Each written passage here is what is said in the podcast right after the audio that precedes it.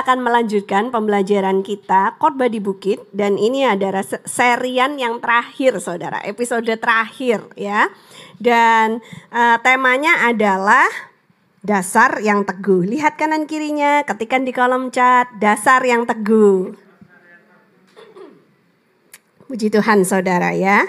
Nah, saudara, kita akan membaca dulu firman Tuhannya ini diambil dari Matius pasal yang ke-7, ayatnya yang ke-24 sampai 29. Saya minta jemaat ACS yang ada di Storehouse membaca bersama-sama dengan saya ya. Dua, tiga. Setiap orang yang mendengar perkataanku ini dan melakukannya, ia sama dengan orang yang bijaksana, yang mendirikan rumahnya di atas batu Kemudian turunlah hujan dan datanglah banjir. Lalu angin melanda rumah itu. Tetapi rumah itu tidak rubuh sebab didirikan di atas batu. Tetapi setiap orang yang mendengar perkataanku ini dan tidak melakukannya, ia sama dengan orang yang bodoh yang mendirikan rumahnya di atas pasir. Kemudian turunlah hujan dan datanglah banjir. Lalu angin melanda rumah itu sehingga rubuhlah rumah itu dan hebatlah kerusakannya. Dan setelah Yesus mengakhiri perkataan ini, takjublah orang banyak itu mendengar pengajarannya. Sebab ia mengajar mereka sebagai orang yang berkuasa, tidak seperti ahli-ahli Taurat mereka. Ada amin saudara? Ya puji Tuhan saudara ya. Sekarang poin yang pertama. The wise build house on the rock, but the fools build house on sand. Ya, orang yang bijaksana membangun rumahnya di atas batu. Tapi orang yang bodoh membangun rumahnya di atas pasir. Oke. Kita akan melihat saudara ya, apa yang dimaksudkan dengan orang yang bijaksana dan orang yang bodoh ini. Apa bedanya ya? Mereka berdua sama-sama membangun rumah ya. Cuman dasarnya aja yang beda. Nah, Saudara kita akan lihat. Kalau orang yang bijaksana, mereka itu mendengar firman Tuhan dan melakukannya. Catat saudara atau di highlight di Alkitab saudara ya. Mereka melakukan firman Tuhan itu di dalam hidup mereka. Mereka membangun kehidupan. Dan yang namanya membangun kehidupan itu aspeknya banyak. Bisa rumah tangga, bisa karir. Coba saudara kira-kira membangun apa di dalam kehidupanmu? Ada masukan? Apa? Keluarga bahagia. Ada lagi yang mau mencoba lainnya? Membangun apa kau di dalam kehidupanmu? Halo. Apa? Kesehatan, boleh. Apalagi coba yang nonton di rumah mungkin bisa ikutan interaktif. Membangun apakah engkau di dalam kehidupanmu? Membangun bisnis, ya, membangun apalagi? Relationship, terima kasih. Apalagi saudara yang bisa saudara pikirkan? Bangun rumah, ya rumah tangga saudara ya atau keluarga. Membangun masa depan, membangun keuangan, membangun portfolio kita ya. Itu semua adalah hal-hal yang kita lakukan di dalam hidup ini, membangun sesuatu. Nah, saudara, Orang yang disebut bijaksana, mereka itu membangun dengan cara yang benar. Dan itu mereka membangunnya di atas dasar yang benar. Batu itu berbicara tentang firman Tuhan, tetapi bukan cuma mendengar firman Tuhan, tetapi harus melakukannya. Lihat kanan kirinya bilang, jangan cuma dengar, tapi harus lakukan, ya. Puji Tuhan. Dan sebagai hasilnya, hidup mereka mengalami yang namanya transformasi saudara. Sekarang kita lihat orang yang disebut Alkitab bodoh. Tentunya kita nggak mau jadi orang bodoh. Ada yang mau jadi orang bodoh di tempat ini? Ada. Semua mau menjadi orang yang bijaksana. Amin saudara ya. Nah, kita lihat ya, kita telah kenapa mereka disebut orang yang bodoh. Padahal mereka juga membangun rumah. Cuman dasarnya salah gitu saudara ya. Nah, dan di Alkitab dicatat mereka juga mendengarkan firman Tuhan. Mereka datang ke gereja loh setiap minggu. Bertahun-tahun loh, mungkin berpuluh-puluh tahun. Tapi tidak ada transformasi yang terjadi dalam hidup mereka. Why? Saudara, karena mereka cuma mendengar, tetapi mereka tidak melakukannya. Ada passage lain di dalam Alkitab Yesus berkata, mereka mendengar tetapi tidak mendengar. Maksudnya gimana? They hear but they don't listen. They hear but they don't take heed. Mereka mendengar tetapi tidak mendengar dengan hati mereka. Mereka mendengar tapi sambil lalu tidak ada yang masuk dalam hati mereka dan tidak ada yang diserap dan tidak ada yang dilakukan. Ya saudara, Nah, kita tidak mau menjadi orang Kristen yang seperti itu. Kelihatannya ke gereja, kelihatannya baca Alkitab, tapi tidak ada yang diterapkan dalam hidup kita, maka itu akan menjadi hal yang sia-sia, Saudara. Padahal firman Tuhan itu punya kuasa untuk merubah hidup kita. Yang percaya katakan amin, Saudara kuasa firman Tuhan itu akan terjadi merubah hidup kita apabila kita menerapkan firman Tuhan di dalam hidup kita. Yang percaya sekali lagi katakan amin. Sorak-sorai dulu buat Tuhan Yesus saudara ya. Nah, puji Tuhan. Kalau cuman mendengar, membaca Alkitab, tapi tidak diterapkan, itu hanya menjadi head knowledge, hanya menjadi pengetahuan saja. Ya saudara, nah kita tidak mau menjadi orang yang bodoh, cuman mendengar firman tapi tidak melakukan. Pantesan setelah berpuluh-puluh tahun hidupmu tidak mengalami transformasi apa pun juga. Ada amin saudara, ya. Cuman kelihatannya saja bagus dalamnya keropos. Karena tidak ada satu firman pun yang dia terapkan di dalam hidupnya. Saudara, saya kasih contoh. Kalau kita bicara tentang membangun rumah tangga. Orang yang bijaksana menikah karena cinta. Semua karena cinta. Weh, ada lagunya ya saudara ya maklum. Ini uh, dua hari yang lalu anak rohani kami di tempat ini ya Yosua dan Grace baru menikah gitu saudara ya. Jadi tiba-tiba hafal semua lagu-lagu cinta gitu saudara ya. Karena pas uh, resepsi pernikahan mereka di Jakarta dan itu resepsi yang ketiga loh saudara. Luar biasa saudara ya. Yang pertama resepsi di Sidikalang di tempat asal istrinya. Yang kedua resepsi di Kalimantan tempat asal sang suami. Sekarang yang ketiga resepsi di Jakarta saudara ya. Nah saudara kita lihat kalau orang yang bijaksana itu menikah karena cinta. Karena rindu untuk bisa melayani Tuhan bersama-sama melalui pernikahannya ini.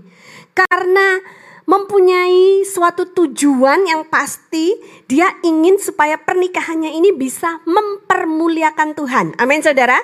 Jadi, orang yang bijaksana itu bukan asal menikah, tapi mereka melibatkan Tuhan di dalam pernikahannya, dan mereka melakukan firman Tuhan di dalam pernikahannya itu, di dalam relationship husband and wife, gitu, saudara ya. Seringkali banyak terjadi salah paham, gitu kan. Katanya, men are from Mars, and women are from Venus. Katanya gitu saudara, kita ini dari planet yang berbeda. Kalau cowok itu dari planet Mars, kalau cewek itu dari planet Venus. Makanya sering kali nggak nyambung kalau ngomong gitu saudara ya. Dan saya punya satu ilustrasi yang cocok sekali untuk dibagikan pada saudara pagi hari ini. Tadi pagi Pastor Daniel, suami saya cek dengan saya, apa dress code-nya hari ini. Saya jawab sambil mandi saudara, navy. Oh oke okay, cocok kata dia gitu. Karena dia sudah menyediakan baju untuk dia pakai. Ya, dia berangkat duluan ketika saya masih uh, in the middle of getting myself ready ya masih mandi lah, makeup lah. Dia udah berangkat duluan dan saya tidak lihat dia pakai baju apa. Ketika tiba di gereja saya bingung, kok dia pakai jaket doreng-doreng gitu ya. Kemudian dia menghampiri saya. Loh, Katamu pakai army. Ini kenapa hari ini tidak ada yang pakai army? Honey, I didn't say army. I said navy. Sama-sama angkatan sih. Navy itu angkatan laut. Kalau army itu angkatan darat, saudara. Nah, beginilah hubungan suami istri, saudara. Hubungan pernikahan. Kalau dasarnya tidak teguh, gampang sekali pernikahan untuk dihancurkan oleh iblis. Gampang sekali untuk cerai gara-gara salah komunikasi. Gara-gara aku ngomong Navy dan dia mikir Army. Tapi hal itu tidak terjadi sama kami, puji Tuhan saudara. Yang kami lakukan adalah kami mentertawakan kebodohan kami saudara ya. Karena kami sudah menerima kasih karunia Tuhan di dalam pernikahan ini. Amin saudara. Salah itu wajar. Kalau suamimu, istrimu salah, ya maafkanlah. Kita ini manusia berdosa, banyak salahnya. Amin saudara. Tidak ada istri yang sempurna, tidak ada suami yang sempurna. Yang mengerti ngangguk-ngangguk dong. Ya, yang udah menikah ngangguk-ngangguk saudara ya, ngerti saudara. Nah, biasanya kalau anak-anaknya masih muda-muda, idealis gitu ya. Aku akan mencari istri yang sempurna. Woi, temu di mana istri yang sempurna? Menikah dengan kamu langsung dia jadi nggak sempurna gitu kan saudara ya. Aku mau cari suami yang sempurna. Wah, cari di mana suami yang sempurna? Begitu menikah dengan dirimu langsung dia jadi nggak sempurna gitu ya saudara ya. Nah, nggak ada yang sempurna saudara di atas muka bumi ini. Nah, kalau engkau membangun rumah tanggamu di atas dasar yang teguh, ya, maka Engkau akan melakukan hal-hal yang diperlukan supaya pernikahan ini bisa bertahan dan memuliakan Tuhan. Supaya pernikahan ini bisa maksimal. Misalnya dengan melakukan mesbah keluarga, tidak lelah untuk melakukan hal itu, membawa anak-anak untuk datang mengenal Tuhan. Ya, itu semua diperlukan effort. Ketika orang tua datang bersama dengan anak-anaknya hari Minggu pagi seperti ini, ya cukup repot untuk menyiapkan mereka, apalagi kalau mereka masih bayi.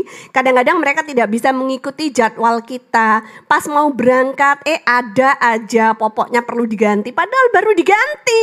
Tapi pas mau berangkat ke gereja tiba-tiba, hmm, gitu kan saudara. Kok ada bau yang nggak enak? Apa ini? Wah, setelah dicek, pampersnya harus diganti gitu kan saudara ya. ya. Mulai lagi ulang lagi dari awal ya. Saya pun pernah mengalami tahun-tahun yang seperti itu. Akhirnya uh, rencananya datang awal ke gereja jadinya telat gitu kan saudara ya. Udah beres, udah cantik ya tinggal mau berangkat ngambil kunci mobil eh anaknya muntah bior gitu kan saudara. Maka harus mulai lagi dari awal dan nggak mungkin berangkat dengan perut yang kosong ya. Yang punya anak ngangguk-ngangguk gini ngerti saudara ya. Nah seperti itu saudara. Jadi kita akan uh, belajar meskipun ada hujan, angin, banjir itu yang dicatat di Alkitab menghantam pernikahan kita, kita akan belajar untuk tetap bertahan dalam pernikahan itu karena kita tahu ada Yesus yang menyertai kita. Pasti kita akan menang melawan badai apa pun juga yang percaya katakan amin sorak-sorai buat Tuhan Yesus saudara. Haleluya. Oke, nah saudara, kita akan tetap bertahan mempertahankan janji nikah kita, ya kita tidak akan memilih jalan yang pintas karena kita tahu Yesuslah penebus rumah tangga kita, karena kita tahu Yesuslah pemulih rumah tangga kita. Sedangkan the fools, orang-orang yang bodoh, mereka menikah karena alasan yang berbeda-beda. Bisa jadi mereka menikah karena lust atau hawa nafsu. Udah gak tahan, udah ngebet gitu kan ya. Atau mungkin bisa juga loh, Orang menikah karena uang. Karena mereka udah lama ikut orang tua hidupnya susah. Mereka tidak mau hidup susah lagi. Mereka mau merubah ekonomi mereka. Jadi mereka ngapain? Cari suami yang kaya. Hello, I'm speaking to girls yang kepingin menikah dengan suami yang kaya. Ya, kemudian mereka akan pakai segala macam cara supaya uh, pacarnya yang ganteng dan dan kaya itu mau menikahi dirinya, maka apa yang terjadi? Dia membuat dirinya untuk dihamili oleh pacarnya itu. Ini adalah dasar yang salah untuk masuk ke dalam pernikahan. Ya, saudara, kalau misalkan engkau pernah melakukan kesalahan di masa lalu, jangan lagi ditutup dengan kesalahan-kesalahan yang lain. Hari ini, this is your time to change. Inilah kesempatanmu untuk berubah. Inilah kesempatanmu untuk ditransformasi oleh Tuhan. Pernikahanmu untuk ditransformasi oleh Tuhan. Kalau engkau masuk dalam pernikahan, sudah salah langkah, aku berdoa engkau tidak salah langkah lagi setelah mendengar firman Tuhan hari ini. Yang percaya katakan amin saudara. Nah, saudara, jadi kita lihat ya, kalau orang yang menikahnya tidak dengan dasar yang kuat, mereka nggak ditanyain tujuan pernikahannya apa juga nggak tahu. Mereka kalau ditanyain visi keluarganya apa juga nggak tahu, ya. Nah, saudara, maka kita bisa melihat bahwa dasarnya itu nggak kuat. Ketika cobaan datang, masalah datang menghantam bertubi-tubi, Alkitab mencatat angin, hujan, eh, banjir, badai itu ketika datang nggak kuat mereka saudara. Mereka tidak akan bisa bertahan di dalam kesetiaan. Ya cari lain laki-laki lain yang lebih kaya. Atau cari perempuan lain yang lebih muda, yang lebih cantik, yang lebih seksi. Karena setiap tahun selalu pasti keluar keluaran yang baru gitu kan saudara ya edisi yang baru gitu kan saudara ya. Nah, jadi saudara, kita lihat saudara ya, kelanjutannya dari firman ini itu tadi kalau tentang rumah tangga. Sekarang kita ngomong tentang membangun karir. Siapa di dalam ruangan ini yang masih membangun karirnya? Boleh lambaikan tangan. Ya, anak muda-muda yang masih membangun karir. Oh, opa juga Angkat tangan loh ya. Opa masih membangun karir loh saudara ya. Dia tidak mau kalah loh dengan generasi muda. Never say die saudara ya. Terus berjuang berapapun umur kita saudara ya. Puji Tuhan. Nah saudara tentang membangun karir. Orang yang bijaksana membangun karirnya dengan melewati proses yang ada. Dia akan tekun menjalani proses demi proses yang ada. Ya, dia nggak ngambil jalan pintas, dia nggak terima suap. Ya, dan dia juga ketika dia sudah menjadi sukses, menjadi orang yang kaya, dia tidak melupakan Tuhannya. Dia tidak lupa waktu, dia tidak lupa daratan, dia tidak lupa alamat rumah.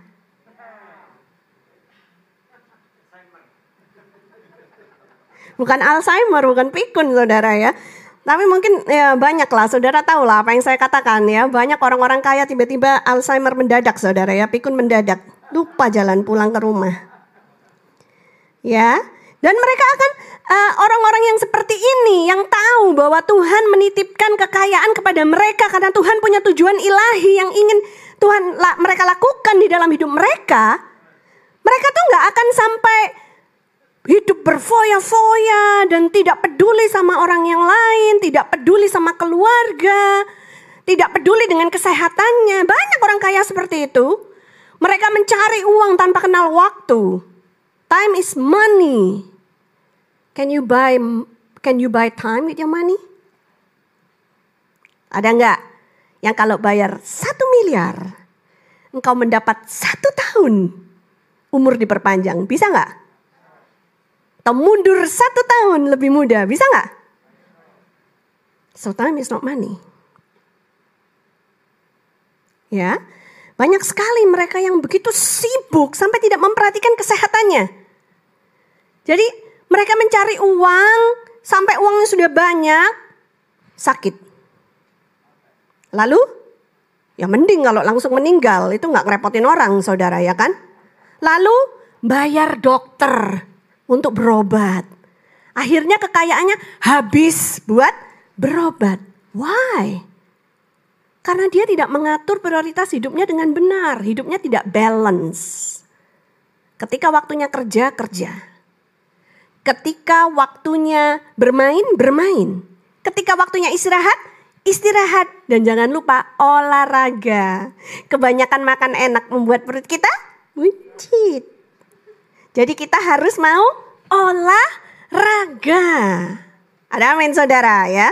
Supaya kita nggak buncit gitu saudara. Supaya kita tetap sehat. Kalau diperiksa darah kita sehat. Amin saudara, yes?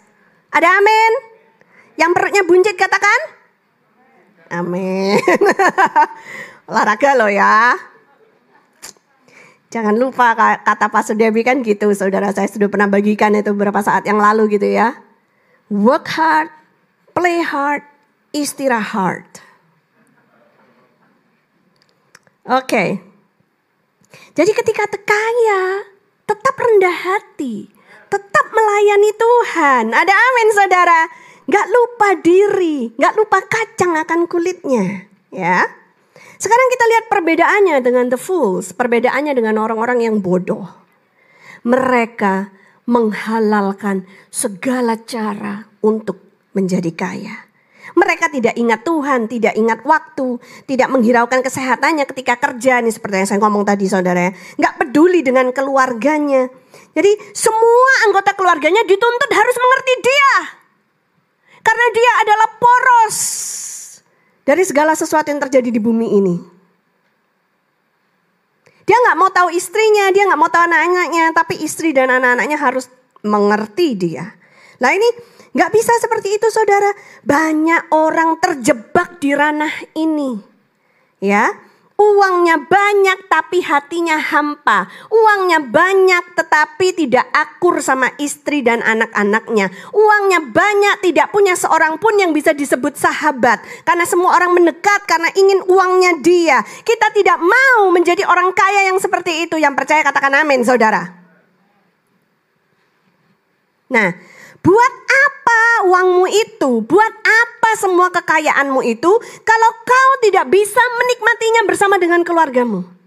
Saya melihat dengan mata saya sendiri. Orang-orang kaya, orang Kristen, tapi hancur pernikahannya. Ketika mereka berada di tangga sukses yang paling tinggi, Keluarganya tidak ada di sana untuk menikmatinya bersama dengannya. Dia harus cari wanita lain yang akan menikmati kekayaan itu bersama dengan dia. Tapi bukan wanita yang berjuang bersama-sama dengan dia sejak dari bawah. Bukan wanita yang mendoakan dia ketika dia masih miskin adanya. Kita tidak mau pernikahan kita atau karir kita akan menjadi seperti itu. Yang setuju katakan amin. Sorak-sorai buat Tuhan Yesus. Wah ini biasanya grup istri pertama pasti amin gitu saudara ya. Haleluya. Waduh itu mestinya cuk tapi nggak ada yang ketawa ya udahlah. Duh aku ini harus belajar ke mana untuk menjadi stand up comedian. Oke saudara. Nah lagi tentang orang yang bodoh. Atau ada juga loh orang yang pura-pura kaya. Karena mereka tidak mau dipandang rendah.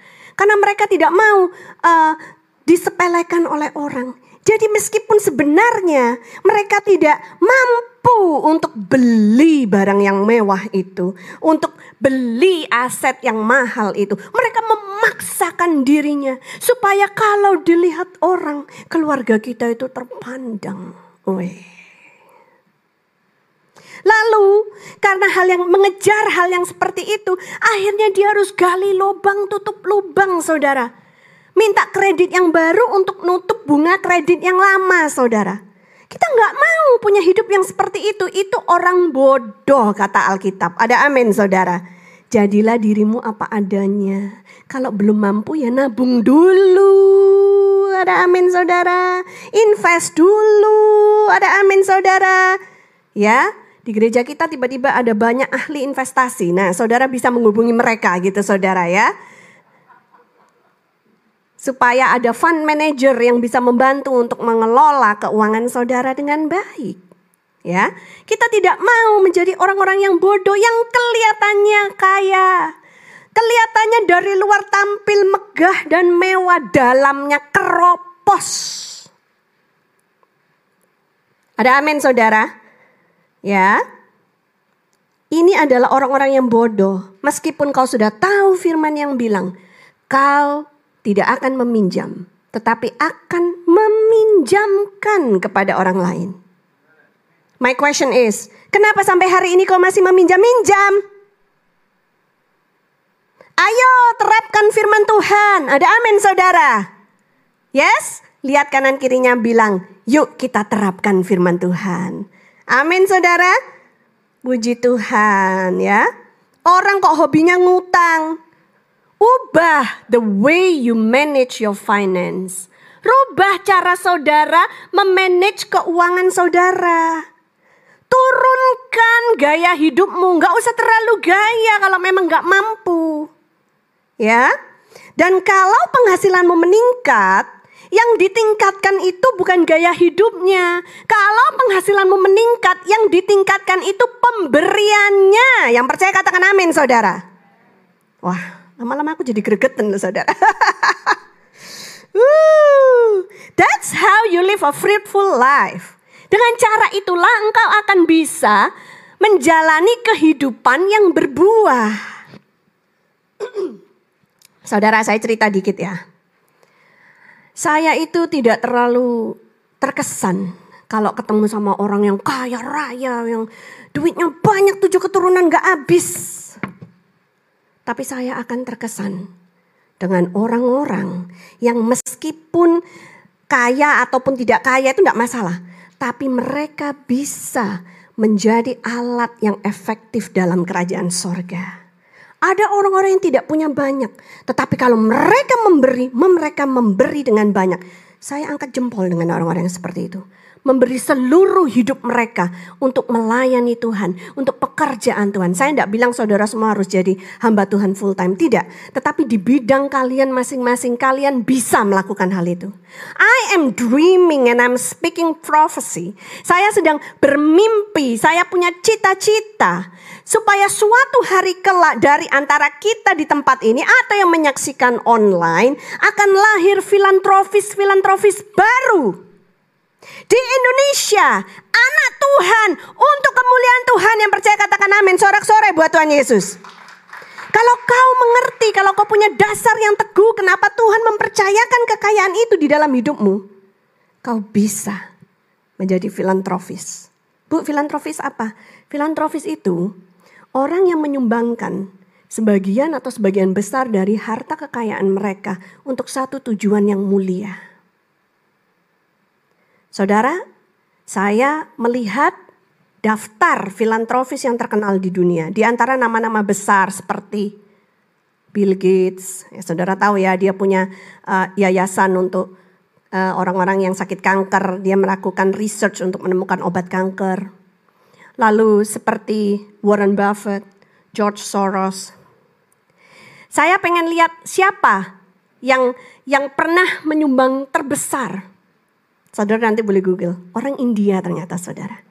Dari Tata Group, dari Tata Steel. Tapi orangnya sudah meninggal. Perusahaannya masih ada sampai sekarang. Dan dia menyumbangkan sekitar 104 billion dollars. Dalam hati saya bilang sama Tuhan, apakah mungkin di dalam hidupku ini aku akan bisa menyaksikan anak Tuhan yang menyumbangkan billion dollars untuk pekerjaan Tuhan. Saudara mau bermimpi dengan saya? Saudara mau menjadi filantropis-filantropis itu? Tidak ada yang mustahil loh bagi Tuhan saudara. Tapi kita mau nggak dipakai sebagai alatnya, sebagai perpanjangan tangan Tuhan. Supaya hidupmu itu tidak hampa. Bergelimangan uang tapi kesepian. Bergelimangan uang tapi nanti endingnya mati bunuh diri kayak artis-artis sana. Udah banyak yang seperti itu. Kita nggak mau jadi orang-orang yang seperti itu. Ada amin saudara. Hidup kita harus punya tujuan. Kekayaan kita harus punya tujuan. Yang percaya katakan amin. Tepuk tangan buat Tuhan Yesus saudara.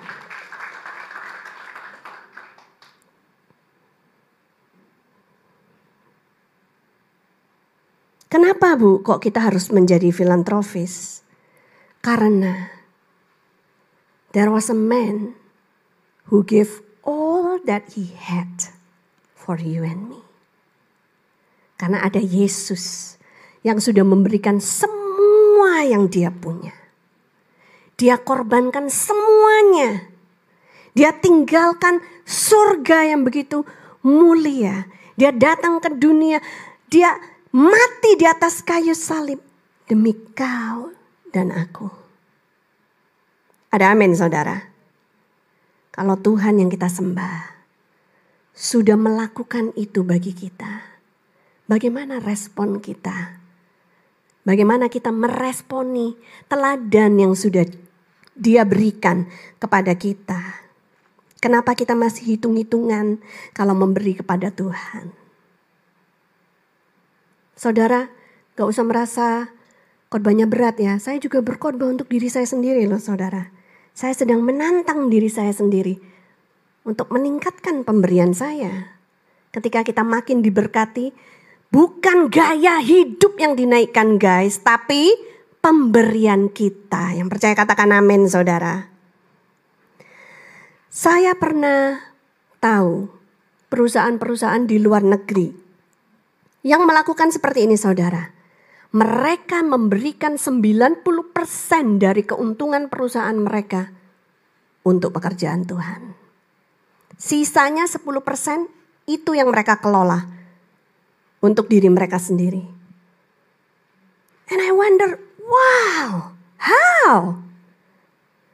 Saudara, kalau engkau hari ini 10% aja masih susah untuk mengembalikan pada Tuhan, kapan akan ada perusahaan di Indonesia, perusahaan anak Tuhan yang bisa melakukan perkara-perkara besar untuk kerajaan sorga?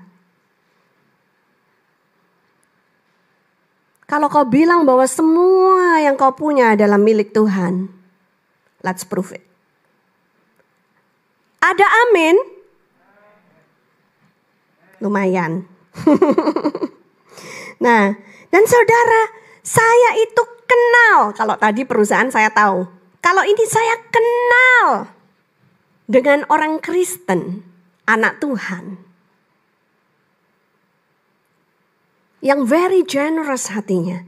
Again sayangnya di luar negeri ketika dia hidup dia banyak menyumbang kepada good cause, kepada uh, pekerjaan-pekerjaan kemanusiaan ataupun pekerjaan-pekerjaan Tuhan. Saudara tahu ketika dia mati, ketika dia meninggal, dia meninggalkan warisan untuk yayasan-yayasan yang dia bantu. Dan karena saya kenal dengan orang ini, saya kagum.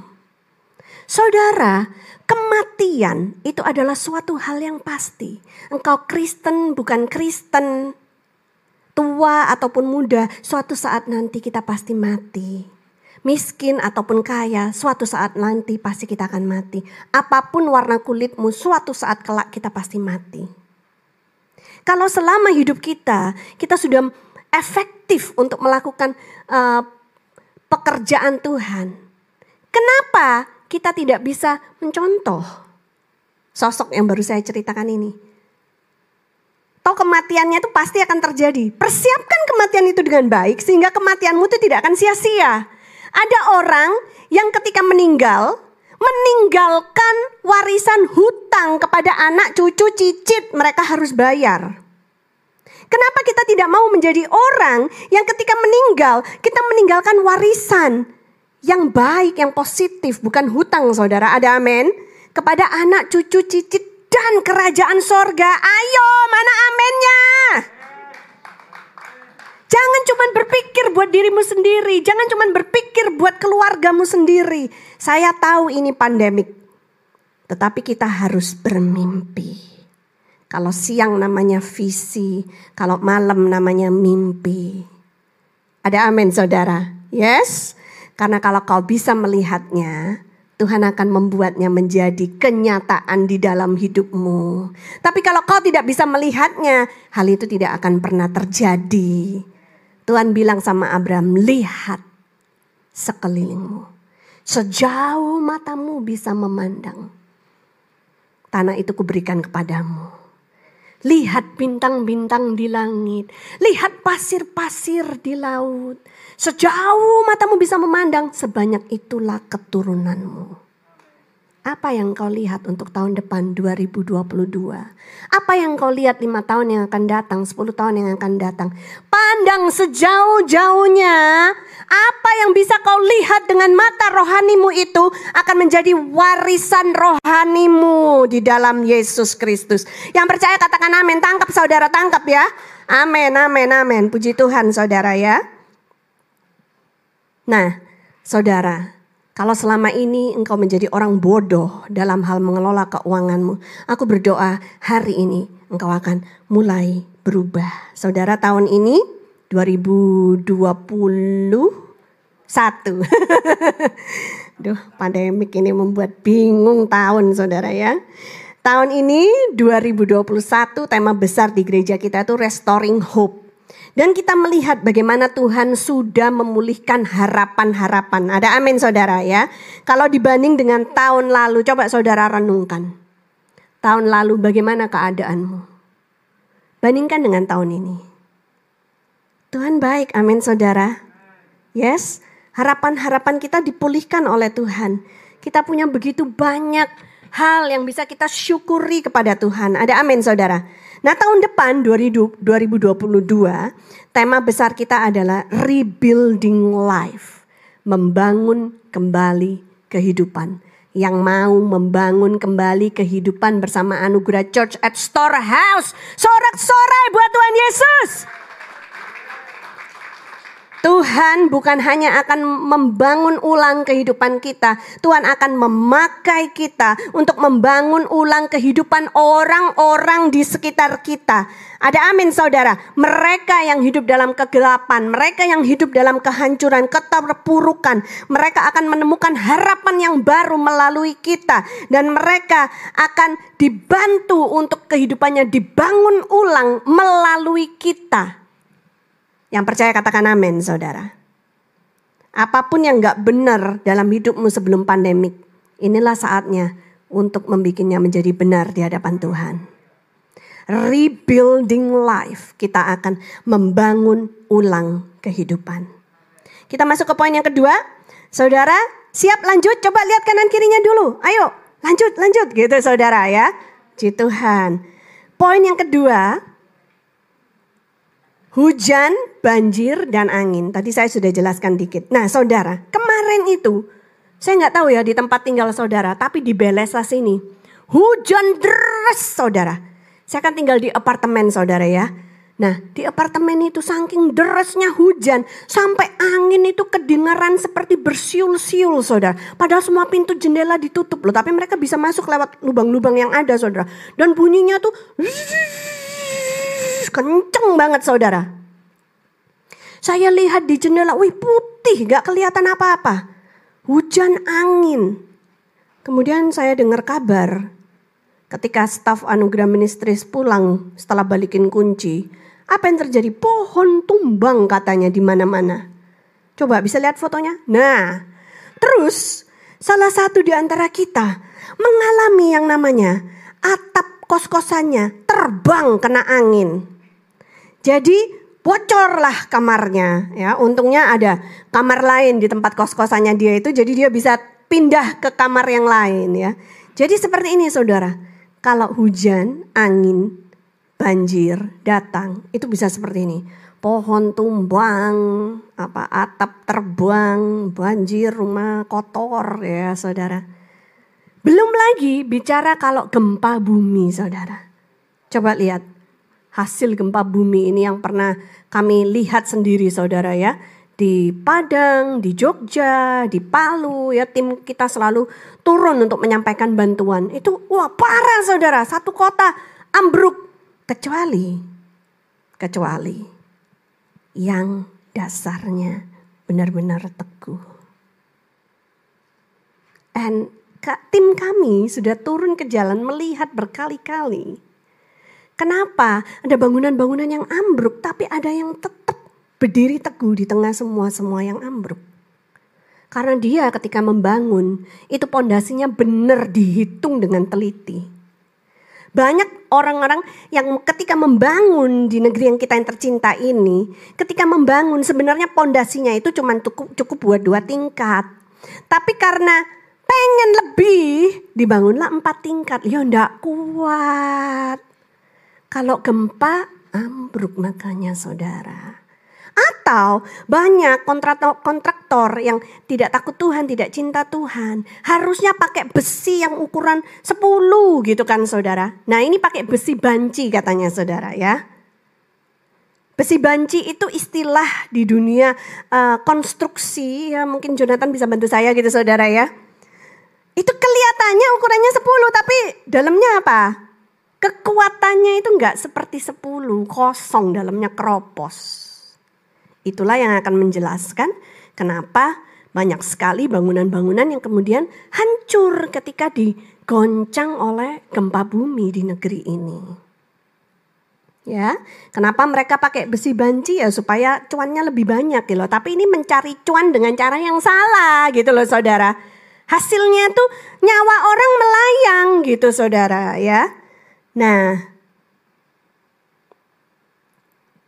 Ini kalau kita lagi ngomong tentang hujan, angin, dan banjir, kita itu sedang ngomong tentang proses of life.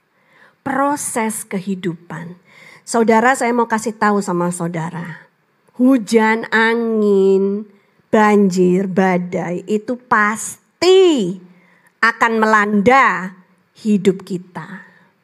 Siap ataupun tidak siap, mau ataupun tidak mau, pasti terjadi. Jadi lebih baik kita bersiap-siap terlebih dahulu. Ada amin saudara. Siapkan pondasinya yang kuat supaya ketika terjadi masalah demi masalah dan bertubi-tubi kita nggak mutung di tengah jalan. Oh, udah, nggak mau, nggak mau, nggak mau ke gereja lagi. Udah, udah, udah, udah, nggak mau jadi orang Kristen lagi. Nggak Tuhan Tuhanan. Karena dasarmu nggak kuat. Kau tidak bangun hidupmu di atas dasar yang teguh. Tapi kalau hidupmu itu dibangun di atas dasar yang teguh, engkau sudah tahu, sudah dikasih tahu di Alkitab, hal-hal seperti ini akan terjadi. Tetapi kuatkan dan teguhkan hatimu. Tuhan tetap menyertaimu. Kemenangan adalah milikmu. Ketika badai ini sudah berlalu, akan ada pelangi yang Tuhan siapkan buat hidupmu. Yang percaya katakan amin. Sorak-sore buat Tuhan Yesus.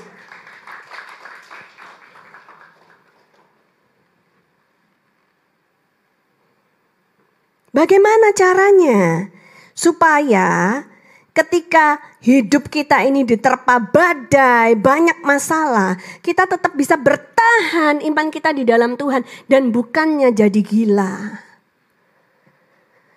Kau buatku jadi gila, jadi gila. Nah, ini efek datang ke kondangan gitu kan saudara ya. Uh, tapi kalau itu lain, itu jadi tergila-gila karena jatuh cinta gitu kan saudara ya. Tapi jangan sampai kok jadi gila, depresi karena menghadapi tantangan kehidupan, menghadapi pencobaan. Kayak nggak punya Tuhan aja loh. Ada Tuhan, coba lihat kanan kirimu bilang ada Tuhan bro, ada Tuhan sis yang nonton di di uh, tolong diketikkan di live chat ada Tuhan kita pasti bisa melewatinya dan bukan cuma melewatinya tapi babak belur kita akan bisa melewatinya berkemenangan. Yang percaya katakan amin saudara. Haleluya. Saudara apakah mungkin justru di tengah permasalahanmu itu orang bisa melihat Yesus menyertaimu? Apakah mungkin justru di tengah-tengah masalah yang kau hadapi itu seperti Daniel disertai Tuhan, bukan Daniel suami saya tapi Daniel yang di dalam Alkitab saudara ya, dia dibuang ke dalam kandang singa, tetapi singanya tidak makan dia. Orang bisa melihat karya Tuhan yang besar dalam hidup Daniel itu saudara. Atau apakah mungkin kita akan menjadi seperti Sadrak, Meshach, dan Abednego yang meskipun dibuang dalam dapur api yang sangat panas, tetapi dapur api itu apinya tidak menjilat kita. Yang percaya katakan amin saudara. Dilindungi oleh Tuhan. Saudara lihat foto yang berikut ini ketika Yesus bilang, "You are the light of the world." Dia bukan cuma ngomong lilin kecil, dia bukan cuma ngomong pelita, dia bukan cuma ngomong lampu. When Jesus said, "You are the light of the world," Yesus itu sedang ngomong mercusuar. Mercusuar itu dibangun di atas dasar yang teguh. Di atas gunung atau tebing yang tinggi. Supaya orang dari jauh kapal-kapal itu bisa melihat dia. Dan meskipun dia dihantam badai yang seperti itu dahsyatnya. Angin, hujan, banjir, tetap dia memberikan penerangan untuk sekitarnya. You are called to be the light of the world. Saudara dan saya dipanggil menjadi mercusuar-mercusuar di atas muka bumi ini yang mau katakan amin. Sorak-sore buat Tuhan Yesus saudara. Haleluya. Ayo bangkit saudara, bangkit. 2021 sudah hampir selesai. Bangkit dari rebahanmu. Bukan saatnya rebahan lagi. Rebuilding life. Membangun kembali kehidupan. Yang percaya katakan amin saudara. Nomor tiga poinnya adalah Just do it. Saudara, tadi bedanya antara orang bijaksana dengan orang bodoh. Mereka sama-sama mendengar firman, tapi yang satu melakukannya, yang satu tidak melakukannya. Lihat kanan kirimu bilang, just do it. Ya, ketikan di kolom chat, just do it. Sudah dikasih tahu firmannya loh. Ya, dari bulan Agustus minggu pertama, and this is the Kingdom Manifesto. Inilah dikri kerajaan surga. We just have to do it. Ya. Dari minggu pertama bulan Agustus kita berbelajar belajar tentang hidup berbahagia. Miskin di hadapan Allah, berduka cita, lemah lembut, lapar dan haus akan kebenaran, murah hati, suci hatinya, membawa damai, dianiaya oleh karena kebenaran, karena Yesus dicela, dianiaya, difitnahkan semua yang jahat, menjadi garam dan terang dunia.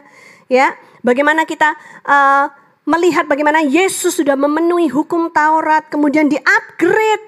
Bulan September kita udah belajar bagaimana kita harus deal with our anger. Ya, bagaimana kita menjadi orang yang setia dalam dalam kekudusan kita, kemudian dalam perkataan kita, yes or no kita itu bisa dipercaya orang. Bagaimana kita mengasihi musuh-musuh kita. Ya, masuk ke bulan Oktober kita udah belajar tentang uh, pemberian amal atau charity. Kita belajar tentang hal berdoa. Kita belajar tentang berpuasa. Kita belajar tentang mengelola kekayaan supaya hati kita tidak tertambat pada kekayaan tetapi tertambat kepada Tuhan. Lalu jangan khawatir. Memasuki bulan November kita belajar jangan menghakimi. Kita belajar ask, seek, and knock. Kita belajar tentang golden rule. Apa pun yang kau mau orang lain lakukan, lakukan dahulu kepada mereka. Kemudian kita belajar tentang hidup yang berbuah. Ada buah yang baik, ada buah yang buruk. Bulan Desember ini kita kemarin, minggu kemarin masuk tentang does God know you? Ya kita harus pastikan bahwa Tuhan mengenal kita, bukan cuma kita yang mengenal Tuhan ya. Lalu yang terakhir ini tentang dasar yang teguh. Dan dengan ini Yesus mengkonklusikan khotbahnya di atas bukit. Apa pun yang sudah kita pelajari empat bulan yang terakhir ini, just do it. Kau usah nawar-nawar lagi. Tapi Tuhan, tapi hanya ini, tapi kan. Nah, gak usah lagi seperti itu. Just do it. Lihat kanan kirinya bilang, just do it, just do it. Just do it, ya. Kayak iklan sepatu itu loh saudara. Just do it gitu saudara ya. Yakobus 1 ayat 21 sampai 22. Kita baca bersama-sama saudara. Tim musik boleh kembali ke tempatnya. Sebab itu buanglah segala sesuatu yang kotor dan kejahatan yang begitu banyak itu dan terimalah dengan lemah lembut firman yang tertanam di dalam hatimu yang berkuasa menyelamatkan jiwamu. Tetapi hendaklah kamu menjadi pelaku firman dan bukan hanya pendengar saja. Sebab jika tidak demikian, kamu menipu diri sendiri. Saya berdoa tidak ada di antara kita yang menipu diri kita sendiri. Saya berdoa kita bukan cuma menjadi pendengar firman yang baik, tapi juga akan menjadi pelaku-pelaku firman. Saya undang saudara bangkit berdiri. Just do it. Semua yang telah kau dengar, semua yang telah kau pelajari dari Alkitab, just do it. Jangan lagi memberikan alasan demi alasan, just do it. No more excuses. Just do it. Jangan kebanyakan ngomong muter-muter. Banyak kali alasanmu untuk gak melakukan firman. Just do it bro. Just do it sis. Kalau enggak kau disebut orang bodoh loh dalam Alkitab. Saya berdoa biarlah kita semua menjadi orang yang bijaksana. Mengambil keputusan yang bijaksana. Mulai hari ini sampai selama-lamanya. Sampai Yesus datang kedua kalinya menjemput kita di awan-awan. Angkat kedua tanganmu kita berdoa. Tuhan kami rindu menjadi pelaku firman-Mu. Kami mau Tuhan menjadi mercusuar-mercusuar di atas muka bumi ini. Kami mau Tuhan, walaupun ketika badai menerpa orang bisa melihat Yesus dalam hidup kami. Orang bisa memuliakan Yesus melalui hidup kami. Oh terima kasih Tuhan Yesus penyertaanmu yang tidak pernah gagal. Penyertaanmu yang tidak pernah meninggalkan kami barang sedetik pun. Dan saat ini Tuhan kami mau membuat komitmen yang baru. Menyiapkan diri masuk tahun 2022. Kami siap hidup kami dibangun ulang oleh Tuhan. Kami siap untuk membangun ulang kehidupan orang-orang di sekitar kami. Pakai kami Tuhan menjadi alatmu yang efektif dalam kerajaan sorga. Dan aku berdoa Tuhan, bahkan dari tempat ini akan dilahirkan filantropis-filantropis baru untuk kemuliaan namamu. Di dalam nama Tuhan Yesus Kristus yang kami sembah itu. Yang percaya baik di storehouse maupun di rumah kalian masing-masing bersama saya katakan amin, amin, amin.